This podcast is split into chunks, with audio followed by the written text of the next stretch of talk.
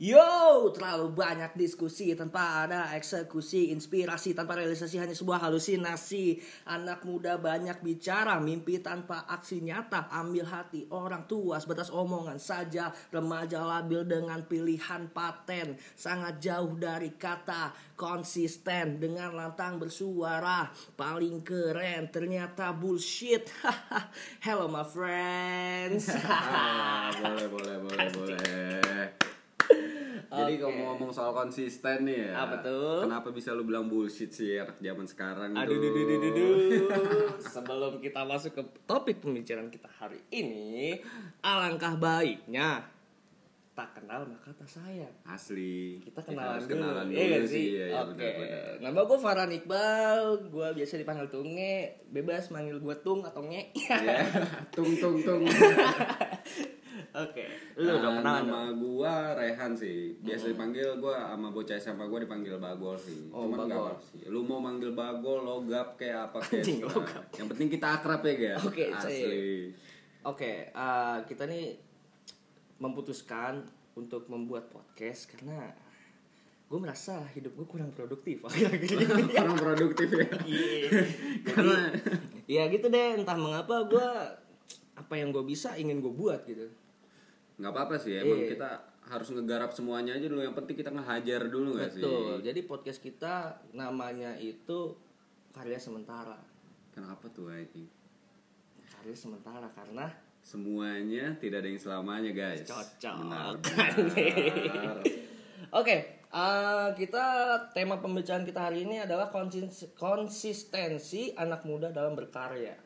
tapi sebelum masuk tema itu kita harus Apa nih? apa mengucapkan bela suang- sungkawa sedalam-dalamnya Oh, iya.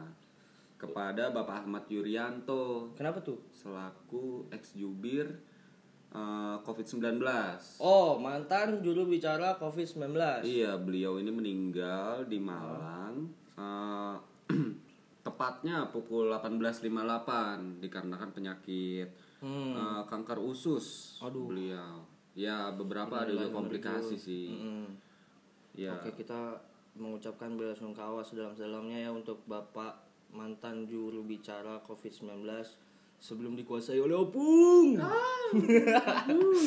Aduh, kita ke tretan-tretanan ini. Aduh, jangan jangan. Gak boleh, gak boleh ngejiplak, guys. Gak boleh Betul. ngejiplak. Ya kita eh, ada sedikit informasi nih. Ha-ha. Beberapa berita selain eh, telah berpulangnya ke Rahmatullah, Bapak siapa tadi? Ahmad Yuryanto. Bapak Ahmad Yulianto. Ada lagi sekarang ini gue tadi dapat berita sekarang tanggal kita record itu tanggal 22 bulan apa sekarang? Mei. 22, Mei 2022 setelah sekian lamanya dua tahun kita tidak merasakan Car Free Day Wah, iya. hari ini kita dibolehkan nih oleh pemerintah melaksanakan Car Free Day Setelah sekian lama ya Iya, kita nggak ngerasain hawa-hawa patung Sudirman, bundaran HI. Ih ngabers-ngabers mengkol tuh Di Soalnya- ya Soalnya dipakai buat speeding speeding kalau Hmm. malam kan. Mm-mm. Kalau pagi ya nggak ada bau-bau knalpot ya kan. Benar benar Nggak ada suara-suara bising ya Betul sih? betul betul Nah, Weh tapi lu tuh pernah Car Free Day gak sih kan?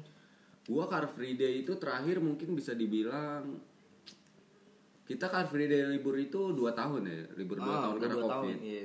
berarti total ya sekitar lima atau empat tahun yang lalu gue terakhir mungkin Wah pas berarti pas zaman lu masih sekolah ya gue SMA kelas 1 kayaknya kelas satu kelas 1 sama siapa tuh? Sama cewek? Iya. ada lah dulu mantan gue ngajakinnya Car Free Day Iya ya, pacarannya Car Free Day aja sambil pegang es cekek gitu kan beli cilok ya.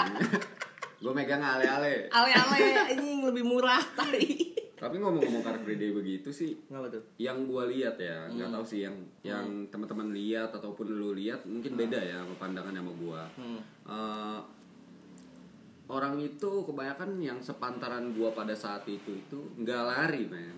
Nggak lari. nggak olahraga Oh, lebih gitu. tepatnya nggak olahraga. Tapi Lebih dia ke- lebih menikmati suasana aja sih. Hmm, lebih ke jalan-jalan ya. jalan-jalan jajan-jajan. Foto-foto lebih penting itu. Iya sih ba- banyak banget. Ini kan tukang sari roti. Iya Tukang iya sari sih. roti. Yang lu tau nggak? Yang gua nggak lihat di sana apa? Apaan? Tukang Yakult tau gak lu? Hmm. Yang naik sepeda. Itu nggak pernah ada. Iya, itu nggak pernah ada di sana. Ya dia makan kelilingnya ke SRC. Naro-naro. Ke kul- Tapi ngomong-ngomong tukang Yakult itu lu pernah nggak diketok-ketok gitu sama tukang Yakult? Kalau gue dulu sempet langganan kayak susu apa ya? Kayak susu murni gitu, cuma bukan susu murni nasional. Susu murni yang dari pabrikan gitu kan? Ya, jadi kayak dia susu susu murni yang nawarin ke rumah-rumah gitu. Dulu Iya. gue sempet langganan tuh ke tukangnya. Tapi itu enak banget sih. Lumayan, enak Tinggal- sih. Ibarat tinggal diangetin tambahin gula dikit, Nah, cocok. cocok sih. Mm. Oke, nih ada berita selanjutnya nih. Kebetulan teman kita datang, gue selamat datang. Selamat datang. Sorry banget gue bikin podcast di rumah lu. Santai, santai, Enjoy, sudah ya. Jadi kita bikin podcast di rumah orangnya. GH. Padahal orangnya tidak ada di rumah. orang yang baru datang ini. Bersama Bro Satria. Bro Eh, Satria, sehat, sehat. Oke. eh. Kan GH tuh. Kita kita kita bikin podcast dulu ya kawan ya. Oke, nah berita ketiga nih An. ada Ustadz cabul bre, kacau. Secabulnya gimana tuh kalau gue boleh tahu nih? Baca beritanya. An. Menurut yang gue lihat di ya Indozone sih ya. Hmm, sumbernya dari Indozone nih. Insya Allah valid dong. Di sini judulnya nih ya, geger guru ngaji di Garut cabuli dua orang kakek. Astaga kakek. Itu guru ngajinya kakek. cowok cewek. Guru ngajinya cowok. Astaga Tuhan. Bapak-bapak. Gue masih shock juga sih. Ya jadi kayak ini seorang bapak-bapak mencabuli dua orang kakek-kakek. Umurnya berapa? Umurnya berapa? Umurnya bisa 70 tahun dan 79 tahun. Ya Allah. Lansia. Itu kalau naik kereta nih dapat potongan diskon lansia men. Gila. 70 tahun dan 79 tahun. Lah benar benar Benar, kan? Benar benar. Aduh, ya Allah itu. Masih dicabulin gitu loh. Udah gitu satu kelamin men. Kalau kita tarik mundur nih ya sama apa sih eh, yang Ustadz santri itu loh yang Oh, ngehamilin iya, berapa iya, tahu tuh gua tuh. santriwatinya itu Oh, loh. itu brengsek sih. itu tetap brengsek, Uh-uh. cuman dia masih garis Normal lah ya. normal karena Masih- korbannya itu kan tetap wanita. Cewek, benar. gitu. Walaupun kita tidak apa? Kita tidak mengklaim bahwa itu bagus. ya, Iya, itu tetap iya. brengsek, itu tetap tapi brengsek. dia tetap pada hakikatnya gitu loh Iya. kalau cowok sama cewek, Iya. iya nggak sih? Ini udah brengsek. Menjijikan. What the fuck? Lu bayangin Kok coba. gak kok kepikiran gitu. Itu kenapa sih? Baca dah. Nih ya, menurut yang ditulis sama Indozone ini, Hmm. pelaku ini memang terkenal dan dikenal sebagai seorang guru ngaji di lingkungannya gitu loh. Ah. Jadi dia emang punya, ya bisa dibilang tokoh masyarakat nggak sih Tokoh kalau masyarakat, misalnya bilang iya. soalnya Ya ustadz lah ya. Ustadz gitu kan. Uh, di kampungnya itu pelaku memiliki banyak banget jemaah ngaji katanya. Hmm. Mulai dari anak-anak hingga orang dewasa. Oh, berarti lumayan gede nih pengajian nih. Parah sampai berarti kan uh, jamaahnya itu punya anak diajak dong buat Iya. ngaji-ngaji nggak sih? Berarti uh, saking percayanya apa Ah, sama ustadznya gitu loh. benar benar benar benar. Tapi sayang ya ustadznya ini Oh, tidak. lenceng. Gak, gue mikir gini, misalkan kan lu bilang tadi ini pengajian tuh sudah saking terpercaya sampai mereka membawa keluarganya gitu kan. Jadi iya iya benar. lu pikir gak sih kayak anak-anak kakeknya itu cucu-cucunya Wah iya sih men. Kayak ibaratnya gini. kakekku dicabuli. Iya. Gue memposisikan sebagai cucunya nih ya. Gue lagi main HP di kamar gitu lah ya. Realistis aja lah main HP. Kamu ini main HP mulu ya. Iya iya. Iya udah udah. Udah ikut kakek ngaji, ayo ikutlah gua ke sana. Iya. Iya kan, gua datang first impression, semua orang itu selalu baik. Oh, Gua iya. nggak bisa munafik ya. Respect, respect. Respect. Hmm. Wah gila, ternyata begini ya rasanya Hmm. ngaji-ngaji, suasana hati adem. Tiba-tiba gua udah mulai ikut ngaji seminggu, Iya. Besokannya gua dapat kabar dari warga-warga kalau kakek gua dicabulin. Oh tidak. Apa res- apa yang akan lu lakukan saat kakek lu dicabuli oleh guru ngaji lu? Gua sebagai sebagai cucunya sih rasa ingin membunuh ya ada ya cuman kan kita tinggal di negara hukum Betul. kita harus kita tidak mengikuti boleh. apa sih Ah. proses-proses hukum ya enggak sih Mm. karena semua udah punya hak dan wewenang masing-masing gak sih Mm-mm, betul. Nah. Itu akhirnya gimana tuh? ini ya gua kasih tau kronologi buat Eh, coba, coba, coba. kronologi cara kakek eh cara siapa ustadznya gitu Hmm. dengan agak sedikit memaksa dengan mendorong korban karena Hmm. korban usianya udah 70 dan 79 Iya. tahun itu Ah. otomatis sudah rentan dong Betul. kayak nyebrang aja dibantuin mungkin ya nyebrang dibantuin Iya, Kayaknya cebok aja juga susah itu. Astagfirullah terus terus gimana tuh? akhirnya korban terjatuh kemudian melakukan kegiatan pencabulan jadi gua ngedorong lu nih sampai jatuh Hmm. terus akhirnya lu Terus lu, sibuk lu nyodom gua gitu. Astaga. iya akhirnya lu sibuk kan kayak lu jatuh gitu lu pasti ada yang kayak Iya. mulai sakit gitu lah Hmm, jadi pengen lu bangun gitu iya, lu kan. fokus ke sini nah si ustad nih maksa bro Oh shit men langsung dibuka gitu celah. Aduh ih. Gue ngebayanginnya nggak bisa men kacau. Ajir. Ini kakek-kakek 70 tahun. Lu gue punya kakek. Dia tuh umurnya ya hampir 80 sih. Ya seumuran lah ya. seumuran seumuran Itu sudah sangat tua dan bungkuk kan. gue ben ini bukan gue menghina kakek gue kakek gue enggak keren banget karena parah. realistis aja Iya. yang ada begitu kan Mm-mm. nah, Dan itu tuh men kakek-kakek keriput. Iya kan? Badannya sudah mulai ringkih. benar benar benar dan sangat bungkuk. Ini dicabulin, astaga. Kok bisa kepikiran tuh? masalahnya ustadznya itu loh Hmm. lu tau gak sih Kenapa? ustadznya kenapa bisa nyabulin Kenapa orang kakek jadi dia tuh ibaratnya dapat pesan di mimpi men alasan ditanyain sama kapol apa namanya pas wawancara di Ah, ah. Polda Iya. dia itu menyebutkan eh, kenapa dia bisa nyabulin itu karena dia dapat pesan di mimpi tapi Wangsit, dia enggak wangsit. iya Hmm. bisa dibilang wangsit Berarti dia tuh kayak di mimpi nih misalkan jika kamu ingin punya ilmu kebal, cabulilah kakek-kakek. wah Cabulilah kakek-kakek, minimal umurnya 70 tahun. Astaga. setan astaga Gak gua usah. rasa nih ya gua rasa setan juga nolak LGBT cuy betul, betul. Gua rasa ya. Betul. Kayaknya sih ya, kayaknya. kayaknya sih ya Tapi iya sih, nggak ada sih sepanjang hidup gue, gue mendengar setan homo nggak ada sih kayaknya.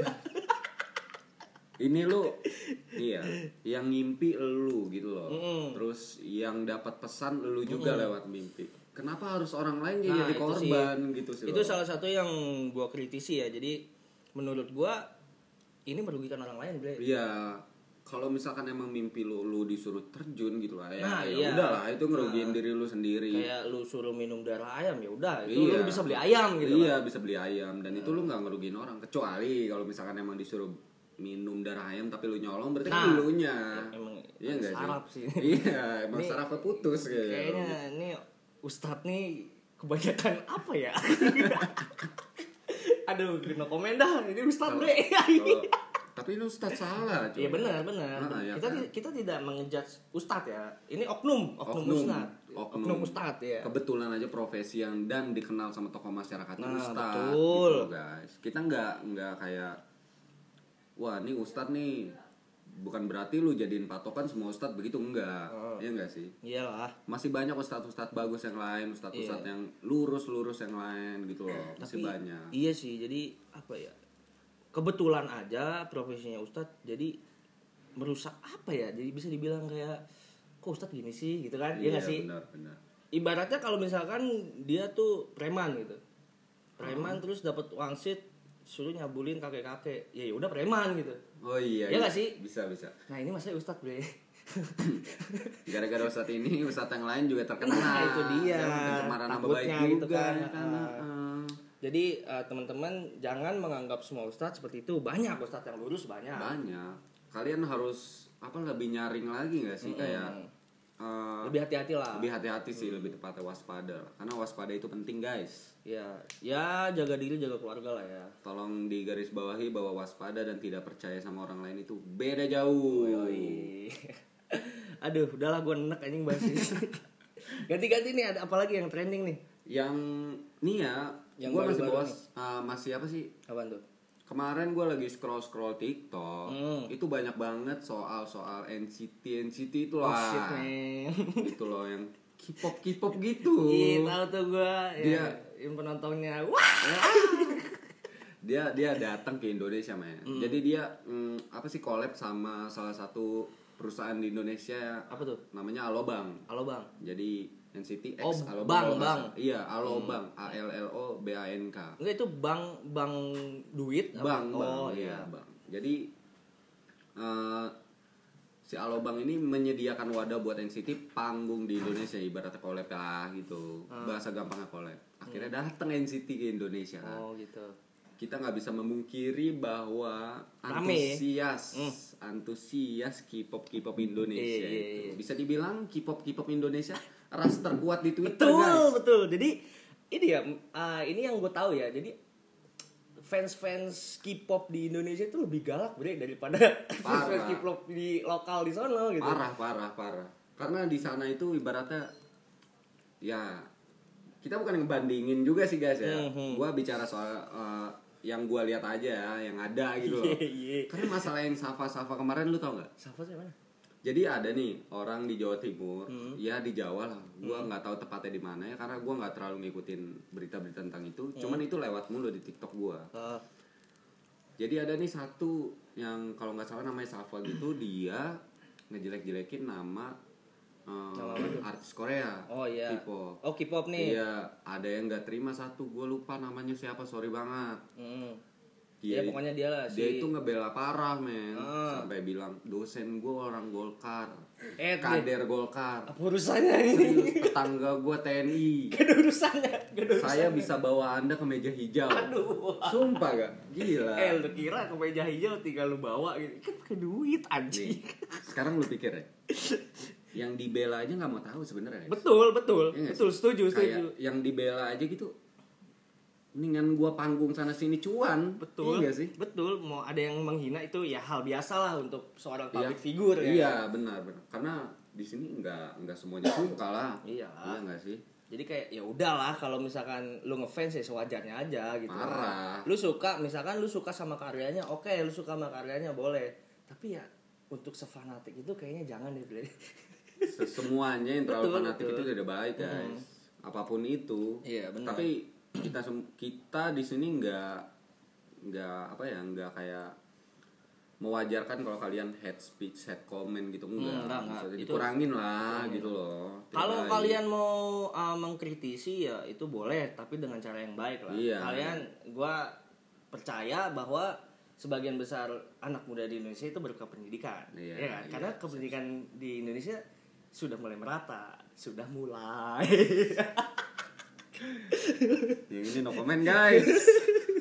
Ya tapi intinya gitulah. Eh, kalian jangan terlalu banget lah kalau masalah-masalah fans kalian gitu di apa namanya dicaci maki sama orang. Ya kan kita kan boleh bebas berpendapat. Kita kan di negara ini kan memiliki eh, apa ya kebebasan berpendapat. Itu dilindungi oleh undang-undang dasar ya kan? Hmm. tapi ya alangkah baiknya mengkritisi dengan cara yang berkependidikan gitu. Ya bebas bukan berarti nggak pakai adab nggak hmm. setuju kawan. Iya kan? Nggak yang kayak lu lu dikasih kebebasan tapi lu semena-mena berarti lu menyala fungsikan gak sih? Kalau gitu dan kita juga punya undang-undang UU ITE nih di Indonesia Oh, ya kan? iya benar-benar ya kalau kalian macem-macem ngomongnya di media seperti itu ya bisa kena. Ya hati-hati lah kalau siapa tahu kan Siapa si tahu. si Karena- si Kim Kim Kim, Kim, Kim itu korut. Oh, itu korut ya, Kim Jong Un kan kalau oh enggak nih si contoh si si Anyongion nih misalnya nih ya. Hmm. si si Anyongion nih personil band apa tuh BST ini misalkan nih misalkan ya kan? ST, iya, mereka iya. dihujat gitu kan sampai trending di Twitter dan mereka tuh nggak nggak terima gitu. Iya. itu kalian bisa dituntut bisa kawan. bisa bisa. Hati-hati. Oke hati-hati balik lagi ke NCT nih. Hmm. jadi lanjut lanjut Eh, kemarin gua ngeliat di scroll TikTok itu NCT Hmm. antusiasnya kan rame banget. Sampai dia tuh menuhin semua apa tuh? apa sih gerbang-gerbang di sorry bandara gitu. sorry sorry. Gue potong. Itu konsernya di mana sih tempatnya? Apanya? Konser? Oh Ah. Hmm. kalau konser gue kurang tahu karena gue nggak ngikutin K-pop. Tapi yang jelas mereka tuh nungguin banget dianya nginjekin kaki gitu. Nah itu dia tuh yang yang kemarin viral tuh yang sampai bocah ayo lah masih SMP SMP tuh yang lari-lari kejar-kejaran itu iya, itu iya, kan iya itu astaga kenapa sih kawan itu rame banget guys ibaratnya kok ngalah-ngalahin Soekarno Hatta nih bukan jadi bandara iya jadi tempat wisata rame banget guys Enggak kok kayak apa ya? Gila. Ngalah-ngalahin mo- mosinya bempang aja. Rusuh banget, Bre. Gue ngeliat videonya itu viral banget kan. Jadi lari sana terus uh, ada yang provokatorin kayak eh dia bukan di gerbang ini. Dia di sini Oh, gitu. lari lagi ke sana. Ah. gitu loh jadi bolak balik Oh ini relate banget Gue dulu pernah Lu tahu Bowo Alpenribel kan? Ah. Si si artis musik Kelly. Ah, ah, ah, ah. Dulu pas lagi dia hype-hype-nya Pernah Sewaktu-waktu dia mau bikin meet and greet tuh yang viral banget Yang bayar 80 ribu apa ya Yang dia foto tuh. Pernah pernah serius Bayar. serius, serius bayar. Dan ya gue gak tahu sih ya kelanjutannya gimana. Cuma waktu itu dia pernah mau bikin meet and greet di mall Cijantung. Dan waktu itu posisi bocah gue lagi pada nongkrong nih Kan Iya. tongkrongan gue tuh dekat mall Cijantung kan Oh, Dekat iya. sekolah gue Nah waktu pas gue nongkrong gue dapet berita Temen-temen gue pengen rusuh ke sono Niatnya udah jelek ya kita dateng dah tuh katanya sih mau meet and greetnya di depan uh, XX1 kayak apa bioskopnya gitulah di oh ini Cijantung. meet and greetnya di dalam mall Di dalam mall, di Oh, dalam di mall. dalam mall Nah kita oke lah kita ke sono tuh rame-rame waktu itu berapa orang ya? Kayaknya ada lima orang tujuh orang tuh kayaknya ada waktu itu temen-temen gua kan. Mhm. Si brutal brutal ini nih. Kita naik tuh kan uh, mall apa namanya XX1 itu di lantai atas waktu itu. Kita naik lah tuh ke sana. Nah pas kita naik ada satu temen gua. Jadi kan ini posisi udah rame banget nih udah ngumpul. Ah. Dan mereka semua tuh kayak standby nih ngeliatin IG-nya, update-nya si Oh, Bowo iya, nih. iya, Udah iya. nyampe apa belum? gitu nih, ya kan? Waktu itu si Bowo udah bikin uh, snapgram lagi di mobil. Nah, kan mereka semua ngiranya wah udah tewe nih, udah tewe nih gitu iya kan. iya iya Nah, waktu itu temen gue ada satu orang. Dia kayak mencoba memprovokasi. Itu lucu banget coba. Jadi dia langsung lari ke deket lift. Eh, ke de- bukan lift, itu eskalator. iya sekarang Nah dekat eskalator dia teriak, wah itu bo, itu bo. Nah Hmm. itu semua rakyat nih, bocil-bocil SMP yang cewek-cewek bo ingus tau lu. Tiba-tiba ngerubung langsung brrrt. Terus dia temen gue dengan dengan tertawa lepasnya, wah goblok lu semua anjing gue tipu. Dan tapi itu anehnya mereka masih ngerubung tuh di deket eskalator. masih nyariin Itu dia, itu aduh bodoh banget nih orang-orang. nggak jebol sih eskalatornya sih yang kebayang Enggak, sama enggak, gue enggak. eskalator Enggak, enggak, enggak di eskalator. Jadi di depan eskalatornya gitu kan. Jadi eskalator kan kayak tangga naik gitu kan. Oh, iya. Nah, di de- depan situnya udah mau disambut gitu maksud gua. Ya lu mikir lah anjing bohong nggak bisa lewat anjing rakyat Dia- segitu banget. Ih, dia nungguin ya setiap anak tangga ganti Iya. gitu ya kan Padahal di situ baunya nggak ada. anjir lucu banget anjir. Sumpah gue ketawa-tawa itu di pojok kok Tapi- bocah bodoh-bodoh banget gitu gue. buat sekarang Bowo sih akhirnya udah melek Eh. Dan kita semua terima kasih juga karena Bowo TikTok viral nggak sih di Eh, Indonesia respect, respect, respect sih respect. Eh, Iya. media TikTok jadi lebih naik lebih laku dan ya banyak kreator-kreator lain nggak Iya sih benar benar benar. Iya kan? Sampai Buat- sampai si Bo waktu itu bikin konten gue udah kering lu gue nyebut eh deh bener banget sih. Bener, Bener sih sih, bener ya sih. bener. bener sih. Dulu konten Bowo kalau nggak salah. Jadi kan eh, setiap ada konten viral di TikTok itu pasti selalu pindah ke IG nggak sih? Iya iya. Kayak videonya di save Hmm, di, di di upload Hmm, ulang di IG Iya. ya nggak sih? Jadi gue ngeliat di IG karena pas zaman Bowo gue belum download TikTok nih. Hmm. gue belum sama download sama TikTok. sama sama. Jadi gue tahu tik Bowo TikTok itu dari IG, IG. nah konten dia itu kalau nggak salah ya slow mo slow mo gitu iya kan, yang kayak- joget joget a a a a Ya, Aisyah. iya, ya gitu tuh. Aisyah, joget iya. dua jari. Iya, iya, iya. nomor dua ya? Hmm, bet, bet. kampanye dua jari maksudnya gue ya coblos nomor dua. Iya aduh aduh aduh aduh Oke, ini kan kita udah sangat-sangat berpanjang lebar nih Iya. membacakan berita. Sepertinya kita harus masuk ke tema pembahasan kita pada hari ini, yaitu konsisten kon- mulai ribet ya emang ya konsistensi anak muda dalam berkarya. konsistensi anak muda dalam berkarya Eh, benar. Jadi- ya, dulu Apa tuh? biar gue tangkap dulu dari judulnya nih Hmm. ya nggak sih dari judulnya sih konsistensi anak muda dalam berkarya itu di pandangan gue Hah? seberapa konsistennya dia menciptakan sesuatu Betul. yaitu nggak karya Karya. karena karya itu kan nggak selalu tentang yang Apa pun, Ah, apa pun. Karya itu bisa iya. berbentuk apa pun. bisa berbentuk apa pun kayak lu ngegambar lu bikin apa kek bikin ya Iya. contoh lu bikin musik sama temen-temen lu mulai dari tongkrongan doang itu bisa dibilang karya sekarang gak sih Dan podcast kayak kita gini udah bisa dibikin bilang karya. Menurut gua podcast itu adalah termasuk dalam bagian dari seni verbal. seni verbal Iya, karena komunikasi itu ada seninya kawan. Ah. Ya. mantap mantap kayak lanjutan apa yang mau lu bahas nih Jadi, dari ini tema sih- hari ini tema ini gue temukan da- berdasarkan keresahan pribadi gue sih sesuai lirik rap gue tadi Oh iya kenapa? terlalu tuh? banyak diskusi tanpa ada eksekusi jadi dulu tuh gue gini bre Sel- selama gue masa SMA nih gue terlalu banyak mendiskusikan ke teman-teman gue kayak ah gue nanti pengen bikin ini ah gue pengen bikin itu ah tapi itu cuma diskusi doang Oh, gak iya. ada realisasinya gitu Tapi tapi itu emang setiap anak tongkrongan gak sih? ya Bi? iya biasanya gitu Pasti ya, Kayak- karena ini agak eh, gua sama Farhan ini ketemu baru pas masuk kuliah nih. Iya. Tapi yang diomongin Farhan tadi ternyata terjadi juga nih sama gua. Relate, relate, Ya, relate. relate, ya Hmm. nggak sih?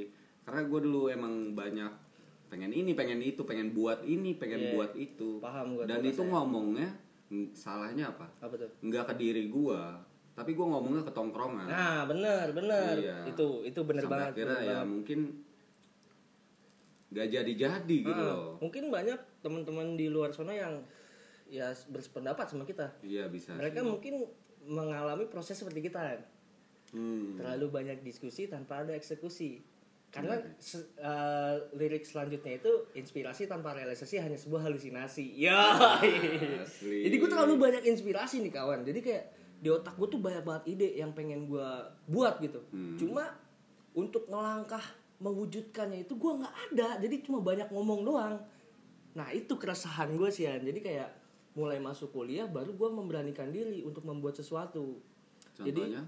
dulu tuh gue sempet eh, ngomong ke bocah tongkrongan gue eh gue pengen bikin usaha nih ini itu ini itu Oh. ya sempet waktu itu sempet realisasikan gue bikin usaha cappuccino cincau sama temen-temen gue Cappuccino cincau. Iya, gua bertiga kemarin tuh. Dulu tuh viral banget. parah. Ah. Ah, ah.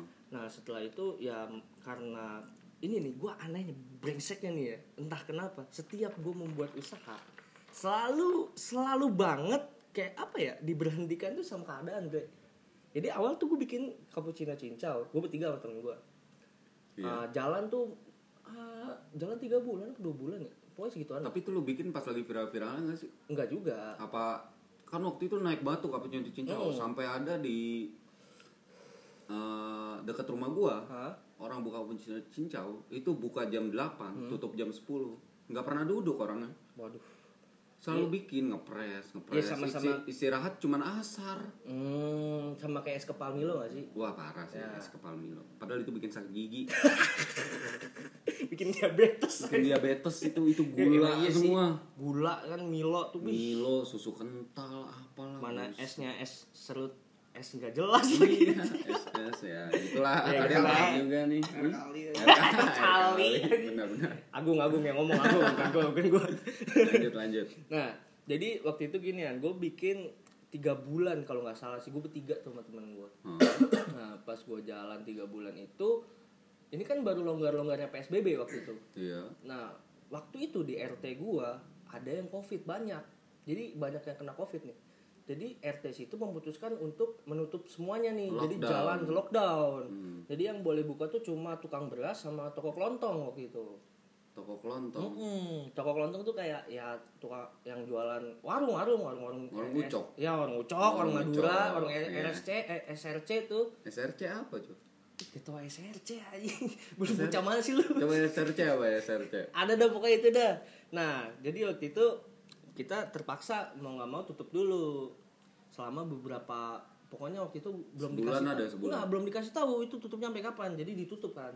Nah karena ini sudah tutup terlalu lama jadi kayak sekitar sebulan dua bulan tuh gue tutup. Hmm. akhirnya ya otomatis pelanggan sudah cabut ya kan? Oh, dan iya. padahal di situ itu rame. Itu lumayan rame. Pas lu opening pas sebelum uh lumayan ada keputusan itu lumayan rame banget. rame lumayan. Nah tapi di situ kan ya namanya awal usaha kan masih muter-muter modal Iya, kan. kita untung tuh masih buat pengembangan kan buat beli ini lagi buat Iya, itu buat beli bahan yang iya, lain lagi, buat gitu upgrade lah ya. Untuk upgrade nah kita belum sempat ngambil untung ya mau nggak mau sudah gulung tikar itu satu kedua gue waktu itu sempat usaha masker wajah Ah, jual online? Apa lu Enggak. homemade?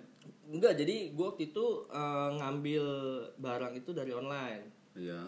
Ya semacam Itu kan reseller lah Oh, reseller. ya, reseller, Nah, iya. Jadi gue ngambil dari online terus gue awalnya itu buat gue sendiri niatnya gue genit nih. Perawatan. Iya, Karena baru-baru- perawatan itu iya, kan selalu tentang cewek. Baru-baru punya cewek ya kan gue Iya. ngerasa ah gue pengen ganteng jah. Jadi gue beli tuh. Iya, iya. Awalnya gue beli 20 biji. pas barangnya nyampe Ntar dulu, tapi kebayangkan gak sih 20 biji?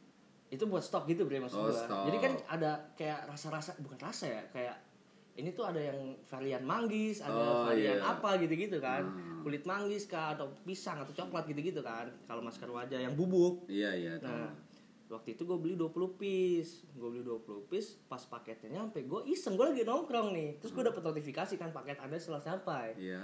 Habis itu gue promosikan lah gue iseng ke temen-temen gue, eh lu pada mau beli masker gak? Gue jual nih segini segini segini lah ya kan. Nah di situ gue kagetnya banyak yang mau beli. Mulai tertarik mereka ya. Itu satu hari 20 piece habis.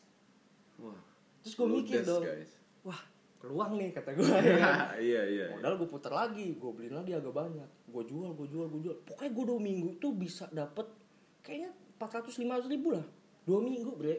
Itu masker bubuk yang sasetan gitu. Eh, sasetan, ya, ya, maksudnya yang sasetan. sekali pakai gitu gak sih? Ya bisa dua kali sih waktu Dua itu. kali ya? Ah, bisa dua kali pakai. Gue pernah denger beritanya ada merek sebelah itu dia ternyata masker yang ilegal gitu loh, tidak baik untuk muka gak sih? Itu dia bre. Jadi gak lama setelah gua lagi untung-untungnya nih, Ah. ada berita di Bekasi waktu itu. Oh iya. Pabrik masker ilegal, dia pakai tepung terigu. Astaga, gua kan bingung ya. Pisang di- goreng kali, pisang goreng. Nah, di situ gua langsung banyak temen-temen gue yang nanya, ini aman nggak? Ini aman nggak? Lah, saya tidak tahu saya reseller. Iya, gue ya kan. Mana di situ kagak ada logo BPOM-nya kan. Wah, mulai pusing dong. pusing banget parah nah jadi dari situ karena saking banyaknya yang menuntut Hmm. gue memutuskan untuk ya udahlah gue salah Stop. lanjut Cari Iya, aman. cari aman gue daripada gue di penjara gitu gue masker nih kan ya udahlah gue gak usah lanjut oke lah stop tuh bingung lagi nih gue ngapain lagi ya ya udahlah nggak lama gue bikin eh, makaroni lu sempet kan ngerasain makaroni Iya, gua? makaroni. Nah, Nah. jadi gue waktu itu bikin makaroni kecil gitu kayak snack-snack 2000-an Iya, buat iya, titip ke makaroni goreng. Heeh, makaroni bantet waktu itu. Gue Mabuk, bikin mabuk. kasar kasar kasar.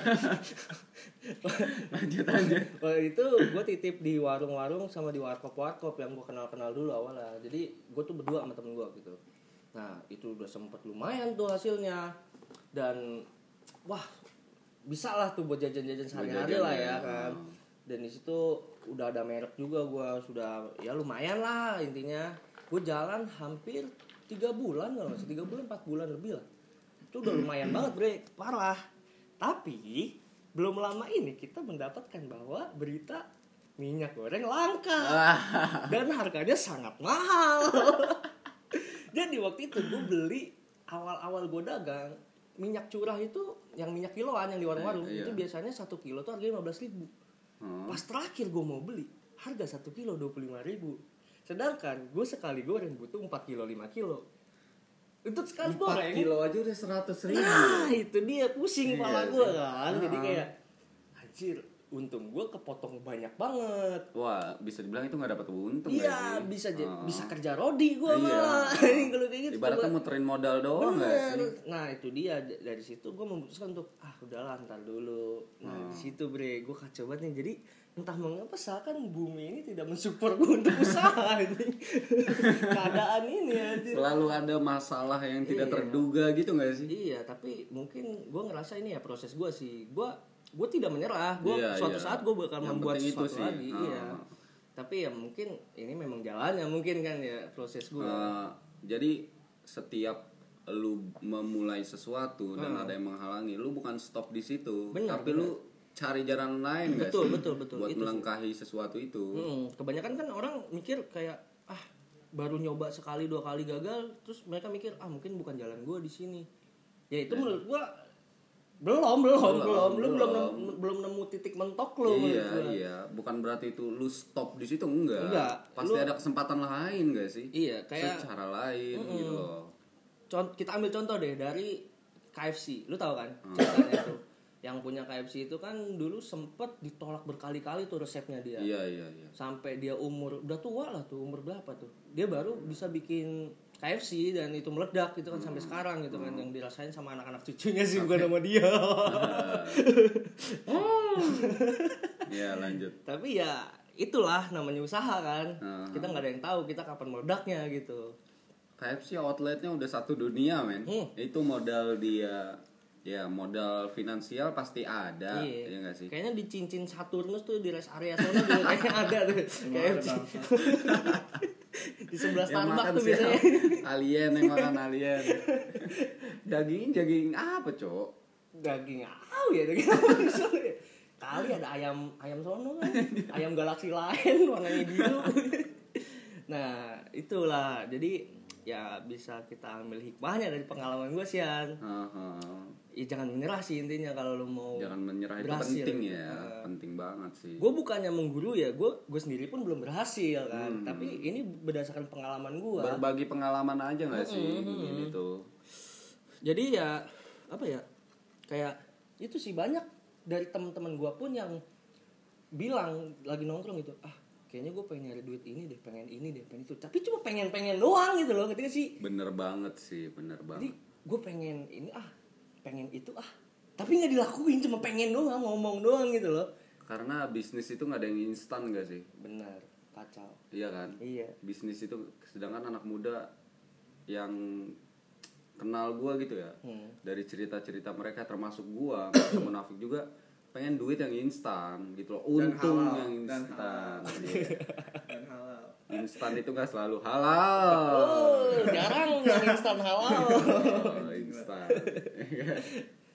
Aduh, gimana jadi ya? eh, dulu gua pernah juga kan Kenapa tuh? eh, mungkin pas kita lagi nongkrong itu gue selalu bilang sama lu Habis. eh, kayaknya gue bakal buka angkringan nih Hmm, iya iya iya. Iya nggak sih? Pernah tuh lo cerita. itu gue cerit gue kayaknya mulai cerita sama lu itu tiga bulan lalu kayaknya Hmm, hmm, hmm, hmm. tiga bulan dua bulan lalu tapi malah yang gue kerjain itu bukan eh, ngebangun angkringan itu.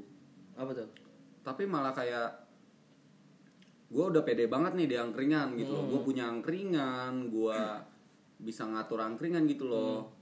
Tapi gue malah kerja di angkringan. Oh iya. kerja di angkringan orang. Iya. tapi nggak apa-apa sih. Enggak apa-apa, pengalaman. akhirnya gue dapet celah-celahnya nggak sih? Hmm, nah, lu bisa gua- belajar gitu iya kan. gua, biar gue bisa makin siap buat buka angkringan. Kalau misalkan emang ide itu terwujud doain Iya, benar, saja benar. guys Benar, benar. doain saja Uh, buka angkringan itu nggak segampang lu jajan di angkringan sih menurut gue Ya iyalah kawan. parah capek, capek. ibaratnya lu jajan cuma satu kali gitu loh Hmm. nah buka angkring eh tenaganya satu kali gitu Iya. buka angkringan bisa lima kali enam kali lipat lu jajan doang gitu loh Hmm. tenaga yang Iya. lu keluarin gitu karena lu kudu nyiapin semuanya kayak Hmm. sosis sosis Iya, iya. terus lu nyiapin batu es Hmm. dorong dorong gerobak ya kan Iya. Jadi eh, di sini kita respect buat respect, tukang respect. angkringan Lu jangan pernah ini ini mindset udah gue tanamkan sejak gue SMP. apa tuh dulu tuh gini gue pernah punya lu tahu cleaning service kan jadi kayak yang OB OB iya obe tukang sapu gitu lah Uh-huh. tukang bersih bersih di SMP gue gue dulu SMP sempat pesantren Eh. Iya. nah sempat jadi santri untung tidak jadi korban guys aduh nah dulu gue punya cleaning service dan dia itu pinter banget matematikanya. Hmm. Ih, sumpah ini gue dulu UN gue diajarin sama dia lu bayangin gue diajarin sama cleaning service. Bre di sini kita ambil hikmah jangan pernah mandang orang sebelah mata.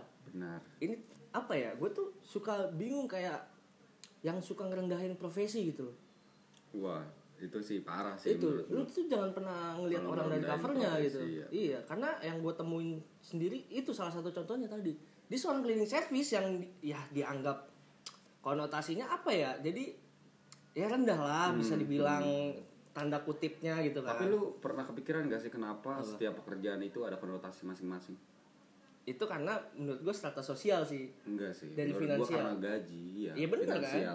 strata sosial dari finansial dia ngelihat gaji sih Bener, bener. dia bukan ngelihat pekerjaan sih menurut gua orang-orang yang nilai kayak ya jadi cleaning service doang iya tapi mereka nggak tahu kualitas mereka sebenarnya seperti apa gitu kan iya dia lebih mikir kuantiti Nah, itu dia. Eh, yang harus dirubah pola pikir dari masyarakat kita menurut gue sih itu salah satunya. Jadi jangan pernah ngelihat orang tuh dari pekerjaannya, dari penampilannya, dari latar belakang keluarganya, jangan. Itu nggak semua apa ya. Misalkan contoh, ah, lu punya teman anak DPR, Hah. tapi kelakuannya brengsek, maksudnya kayak kriminal, gitu kriminal ya. itu ya. Itu kan maksudnya ah. lu paham lah maksud gue paham paham gua. Kalian juga paham lah iya masing-masing harusnya gitu paham. Ngomong-ngomong soal penampilan Ya, kemarin gue baca berita lagi nih Eh, jadi ada eh, lu tau kan yang di lampu merah badut badut itu Mhm. yang suka pakai badut Iya yang minta iya. uang gitu Yang paling gede banget. Bagus benar nah itu eh, jadi ada pengemudi yang mau ngasih Hmm. dia sambil ngerekam pengen ngelihat mukanya gitu loh Mhm. Pe- suruh buka topeng Iya iya iya. pas dibuka cantik Oh, oh yang anak kecil Anak sih? kecil, Oh iya. iya tahu tahu tahu. Yang viral tuh. Nah iya itu viral viral banget itu di TikTok. Jadi jadi apa sih? Sorry ya banyak kreator-kreator TikTok karena itu viral di TikTok Hmm. pengen ngadopsi dia Oh shit man. gitu loh. Nah tapi gue mikirnya apa? Banyak kok Ah. apa namanya pengemis-pengemis lain yang pengen anak-anak kecil lain Iya, gitu, iya. yang pengen diadopsi. Masa kehalang cuman gara-gara apa? Dia nggak cantik. Bro, sila kelima kita keadilan sosial bagi seluruh rakyat Indonesia. Ah. Bukan seluruh rakyat yang good looking. Nah, bener banget gitu loh. Jadi lu nih kalau pengen ngadopsi orang karena hati lu ngelihat dia cantik atau apa nih gitu. Iya. Seharusnya ya. Iya sih. Karena lu punya rasa empati sama dia lah. Nah, itulah Iya nggak harusnya sih? kan. Heeh. Nah, Aduh. itu soal penampilan kan. Mm. Jadi ya menurut gua sih hanya dari pembicaraan kita mengenai konsistensi anak muda dalam berkarya eh, menurut gua sebelum konsisten lu tuh harus berani memulai sih kalau menurut gua. Tadi karena itu yang gua alami. Jadi dulu tuh gua belum berani mulai. Jadi kayak ah ntar dulu ah ah ntar begini ah ntar begitu ntar Iya, begini ntar iya, iya. kebanyakan mikir gue jadinya nggak ada aksinya gitu. Kebanyakan ngobrol eh kebanyakan apa ngomong gitu. Jadi Hmm, kayak hmm. gue pengen ini gue pengen itu tapi nggak ada aksinya gitu. Kalau menurut gue langkah awal menuju itu sih harusnya ya kita berani mulai dulu Karena nggak selalu omongan yang lu omongin ke orang lain itu bakal lu lakuin gak sih? bener bener banget bener banget Iya gak sih? nah dari tapi apa ya eh, menurut gue selain berani memulai dan menuju ke konsistensi banyak hal yang perlu diperhatikan kan Contohnya apa tuh? contohnya Kayak gimana? Aduh gue ngeblank Nih. oh shit ah, man Oke lah, gue tarik, gue tarik. Oh, iya, Kayak tadi lu bilang anjing gue kira ngeliat kipas mas bisa ngeblank anjing gini, gini. Aneh lo, aneh. kenapa kenapa Awalnya kenapa ya. Tadi lu bilang harus banyak yang diperhatikan, gitu lah. Kita ambil dari kasus lu makaroni aja. iya iya Yang lu perhatikan itu awal-awal kayak lu ngeliat targetnya apa gitu loh. iya benar oh iya itu benar benar benar itu yang mau gue bahas jadi lu harus uh, proper Proper. iya banyak persiapan lah jadi ya lu jangan mikir untungnya aja dulu jadi Oh iya. Iya, jadi lu harus mikir prospeknya ke depan tuh gimana gitu. Target pasar lu tuh apa? Ini eh, kita ambil contoh dari bidang usaha ya. Kalau di bidang karya ya nanti beda lagi gitu kan. Aha. Bidang masing-masing. Ya menurut gue gitu. Jadi lu harus ngelihat prospek ke depannya tuh seperti apa. Target penjualan tuh siapa gitu. Untuk eh, apa namanya?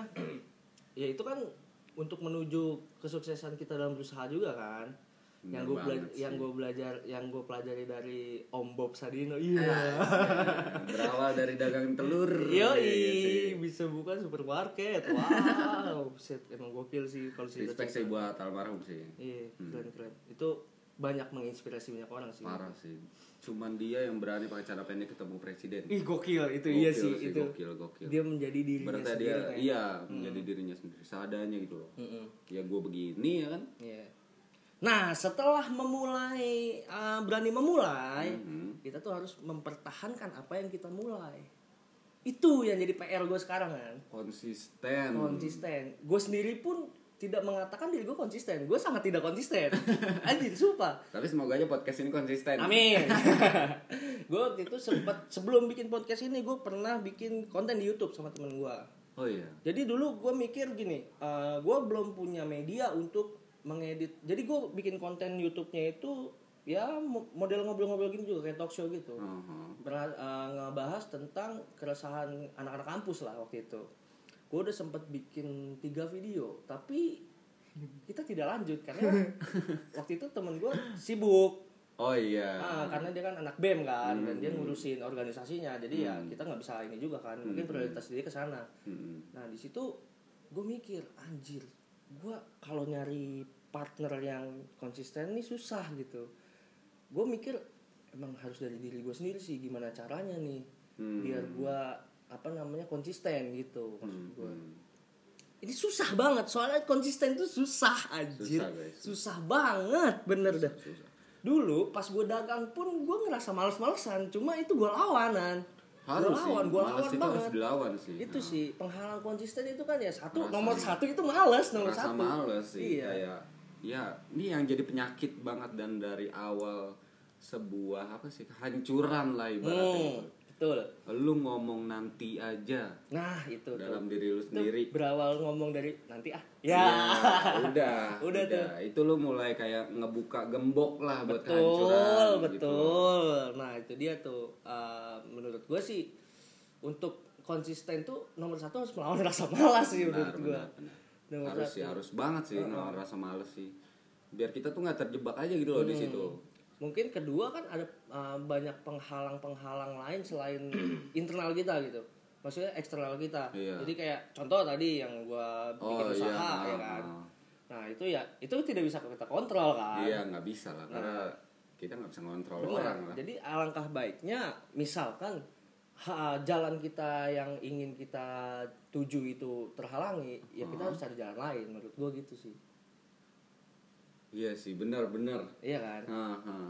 masih banyak kok jalan lain ibaratnya lu ditutup jalan satu masih ada seribu jalan lain Betul, nah betul. tugas lu cuma nyari jalan yang paling benar Nah, aja dia. gitu loh Ya intinya itu sih berani mencoba sih kalau menurut gua. Hmm. Berani mencoba, mencoba konsisten dan insya Allah jadi, insya karena Allah. gini loh guys waktu itu gue pernah makan di Jogja Jogja, Iya, gue lagi sama keluarga gue ke sana. Hmm. Di situ tuh ada sate jamur. Sate jamur. Pokoknya je- jamuran nama restoran kalau nggak salah. Iya, iya. Jadi semuanya jamur. Hmm. Tapi dimasaknya ya sate, Sate. rendang, tapi bahannya tetap rendang, jamur. jamur direndam. Iya, iya. Emang iya? Ibarat Emang kan yang kita tahu rendang itu daging kan. Iya. Tapi di sana jamur. Mungkin jamur sapi kali itu. Oh, Nah. inovasi. kacau, kacau, Bukan. kacau, kacau. Agung, agung, agung. Jadi jamurnya jamur yang baik-baik guys. Ah, Oke. Jamur putih. jamur, jamur sayur lah ya. Iya, jamur yang bulat-bulat tuh biasanya. Iya, iya, iya, tahu gua. di situ itu udah terkenal banget jadi ibaratnya ya kebanyakan sih yang gue lihat ya Hmm. sama yang gue tahu gitu orang-orang yang kenal restoran itu ya orang-orang yang baca koran gitu loh. Karena dia terkenal di koran. Oh. gitu. Nggak pernah dia gue sih nggak pernah ngelihat dia masuk TV Hmm. nggak pernah. Tapi yang di sana udah kayak eh, tokoh-tokoh gitu loh yang udah di sana. Kayak presiden-presiden beberapa presiden yang sebelumnya udah pernah ke sana Gokil, gitu loh. gokil, gokil, gokil. dia itu punya eh, kalau nggak salah ini tuh hmm, usaha dia yang paling sukses bisa dibilang. Hmm. Oh, dia Tapi- punya usaha lain tapi. bukan punya usaha lain I- bukan punya usaha lain sih usaha sebelumnya Oh, ya. usaha paham. sebelumnya banyak Hmm. gagal semua Oh, modelannya kayak gua lah ya. iya Gagal, gagal, gagal begitu. mulu nih. nah ngomong-ngomong soal lu tadi bilang berani mencoba itu bisa dibilang ya lu ke restoran di jamuran aja sana dah Itu contohnya. ada di sana apa namanya apa tuh? kayak perjalanan hidup dia buka restoran ini buka restoran ini buka usaha ini Oh. Ada biografinya gitu. ada di sana Oh, terpampang jelas di sana Gokil, gokil, tuh gokil. bisa dibilang begitu guys Itu buat contoh lah ya. buat contoh Ya, jadi wah sudah sangat lama nih Rehan, sudah 48 menit. wah nggak berasa juga Tidak kita ngomong tidak ya soal konsistensi Ya, tapi lu ada pesan-pesan gak nih buat teman-teman pendengar gitu nih? Kalau menurut gua sih ya pesan-pesan yang ya satu pesan aja sih nggak usah pesan-pesan lah ya Apa tuh? kalau lu ingin memulai setahu lebih ah, memulai sesuatu, gitu Sesuatu, loh ah. lebih baik lu ngomong ke diri lu sendiri aja Iya, nggak usah dibanyak ngomong ya. iya nggak usah lu omongin ke siapa pun gitu loh Soalnya malu gak sih misalkan nanti mana katanya lu mau bikin angkringan? Nah, ya gak sih? Ya gak sih? Bener banget, bener banget, Iya. gitu loh. Jadi lebih baik menurut gua tuh direalisasikan dulu baru cerita-cerita gitu. Nggak usah lu yang ngomong, biar hasil aja yang ngomong. Betul. Asli. Keren, keren, keren, keren, keren, keren, keren. Bisa bisa. Kita mungkin sudah lumayan lama nih untuk podcast pertama. iya, iya. Udah kita kita sudahi aja dulu ya kan. Hmm. Hmm, itu tadi pesan-pesan dari Rehan. Eh, kalau pesan dari gue sih ya tetap dari diri lu sendiri dan jalanin apa yang lu mau, apa yang lu suka gitu. Karena di situ lu bisa menemukan kesuksesan yang itu berasal dari diri lu sendiri gitu menurut gue. Lebih berasa nggak sih Iya. suksesnya? Heeh. Jadi lu mau bikin podcast, lu mau bikin musik, lu mau bikin ngelukis, mau gak usah mikirin ini bakal laku atau enggak. Jalan aja dulu. bikin aja dulu Bikin aja ya? dulu, nikip aja dulu. Ya. udah, udah, udah, udah, udah. Oke, ngaco, terima kasih. ngaco. Gua Tungi. Gua Rehan, Bagol. Oke, gua cabut dulu. See you next time. Bye bye.